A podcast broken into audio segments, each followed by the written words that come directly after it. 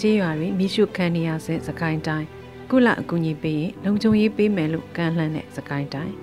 စစ်ကောင်စီတပ်တွေကိုခုခံတိုက်ခိုက်နေတဲ့စကိုင်းတိုင်းနဲ့မကွေးတိုင်းရဲ့အထက်ပိုင်းနဲ့နောက်မြောက်ပိုင်းတွေမှာ PDF တွေရှိတယ်သို့မဟုတ်ထောက်ခံအားပေးတယ်လို့တန်တရားရှိတဲ့ကြေးရွာတွေကိုစစ်ကောင်စီတပ်တွေကရွာတရွာလုံးသို့မဟုတ်ပြစ်မှတ်ထားတဲ့နေအိမ်တွေကိုမိရှုဖျက်ဆီးနေတာနှစ်ပေါက်လာပြီလို့ဆိုရမှာဖြစ်ပါတယ်။အစောပိုင်းမိရှုခံရတဲ့ဒေသတွေကကံကောနယ်တွေကနှမ်းကားကြေးရွာတွေလိုကြေးရွာတွေဖြစ်ပြီး ခုတော့မိရှုခံရတဲ့ကြေးရွာနာမည်တွေမဆိုထားနဲ့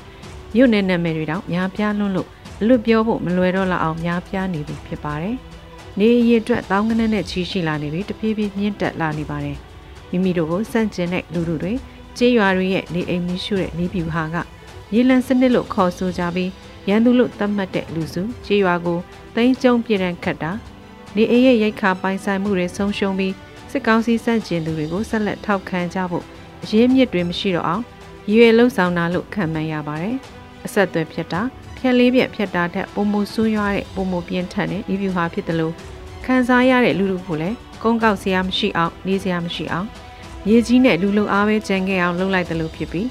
နောက်လာမယ့်နှစ်မှာစားဖို့အတွက်တစ်ကပြန်စားပြီးစိုက်ပျိုးရေးလုပ်ကိုင်ရမယ့်အခြေဆိုင်အောင်လှုံ့ဆော်လိုက်တာဖြစ်ပါတယ်။ဒီလိုမြေလံမီးရှို့ခံရတဲ့မိသားစုတွေအများပြားရဲ့ရုပ်ပိုင်းဆိုင်ရာအခက်အခဲတွေအပြင် သက်သေးဆုံးနိုင်တဲ့အထိထိခိုက်နိုင်တဲ့စိတ်ပိုင်းဆိုင်ရာတရားတွေလည်းအများပြားခံစားကြရလိမ့်မှာအသေးချာဖြစ်ပါတယ်။စစ်ကောင်စီကသူတို့ကိုလက်နက်ကိုင်းဆန့်ကျင်တိုက်ခိုက်တဲ့ပျောက်ကြားစနစ်ကိုချိန်မုံရမှာအညာတာကင်းမဲ့စွာနဲ့ဖန်စီတာနှိပ်စက်တာတပ်ဖြတ်တာတွေလိုဝိုင်းကြီးချုပ်ပြည်တံခတ်တာအပြင်လူမှုစီးပွားဘဝကပါတုံညကပြန်ဆရလောက်တဲ့အထိနေအိမ်တွေဖျက်ဆီးတာတွေပါလှုပ်ဆောင်တာဟာခုဒီချိန်မှာမြန်မာနိုင်ငံရဲ့အလဲပိုင်းဒေသတွေဖို့အံ့ဩစရာကောင်းမိမယ်ဆယ်စုနှစ်ကြာမြင့်ပြီဖြစ်တဲ့သမိုင်းတွေမှာရော မကြသေးတဲ့နှစ်တွေကဖြစ်ရတွေမှာပါ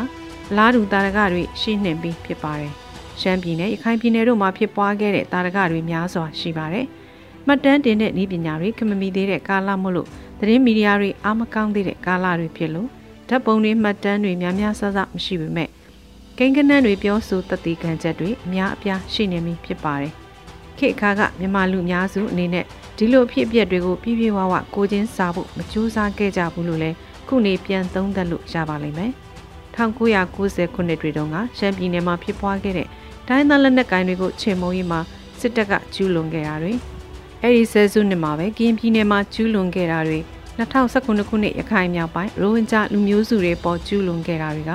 အလားတူကြေးရွာမိရှုတဲ့အနည်းနဲ့ဒေသခံလူထုကိုအတင်းအကျပ်နေရာရွှေ့ပြောင်းစေပြီးလက်နက်ကိုင်းတိုက်ခိုက်သူတွေအခြေမပြုနိုင်အောင်အဲ့ဒီကြေးရွာတွေကိုဖျက်ဆီးခဲ့တဲ့တာရကတွေဖြစ်ပါတယ်။ ခုစကိုင်းနဲ့မကွေးတိုင်းကိုလည်းအလားတူနီးပြူဟာကျင်းသုံးရမှာတိုင်းသားဒေသတွေလို့နေဆက်တွေမှာဒုက္ခသည်စခန်းဝင်ပြီးတိမ်းရှောင်စရာမရှိတဲ့အနေအထားမှုမိရှုခံထားရတဲ့ကြေးရွာတွေနဲ့အနီးနားကွင်းနဲ့တောထဲမှာပြန်အခြေချနေထိုင်ကြရတဲ့အခြေအနေမျိုးဖြစ်ပါတယ်။ဒီလိုအခြေအနေကိုကြော်ဖြတ်ဖို့တားဆီးဖို့သို့မဟုတ်မိရှုခံရတာရော့ကြလာအောင်ကာကွယ်ပေးဖို့အတွက်စစ်ကောင်စီစန့်ကျင်နိုင်ငံရေးဖွဲ့စည်းဖြစ်တဲ့ NUG မှာတာဝန်ရှိတယ်လို့ယူဆမိပါတယ်။မဟာဗျူဟာအရနီးဗျူဟာအရ ဆွေးနွေးဖြေရှာကာကွယ်ကြဖို့လိုအပ်မယ်ထင်ပါတယ်။အကြခင်လာပိုင်းကပလဲကာကွယ်ကောင်းဆောင်ပူနကားကတော့စစ်ကောင်စီဘက်ကမီးရှို့ဖို့ကလွယ်သလား၎င်းတို့အနေနဲ့တားဆီးဖို့ခက်ခဲတယ်လို့အင်တာဗျူးမှာပြောမှုပါတယ်။မီးရှို့ခံရတာကိုတားဆီးနိုင်ခဲ့ရင်အကျိုးသက်ရောက်မှုအဖြစ်နှစ်ချက်ရှိတယ်လို့စဉ်းစားမိပါတယ်။တစ်ချက်ကရန်သူရဲ့ရက်ဆက်မှုရန်ငါပြက်အောင်ဖိနှိပ်မှုကြောင့်စစ်ကောင်စီတပ်တွေကိုစန့်ကျင်စိတ်တက်ကပုံမပြင်းထန်လာနိုင်တာ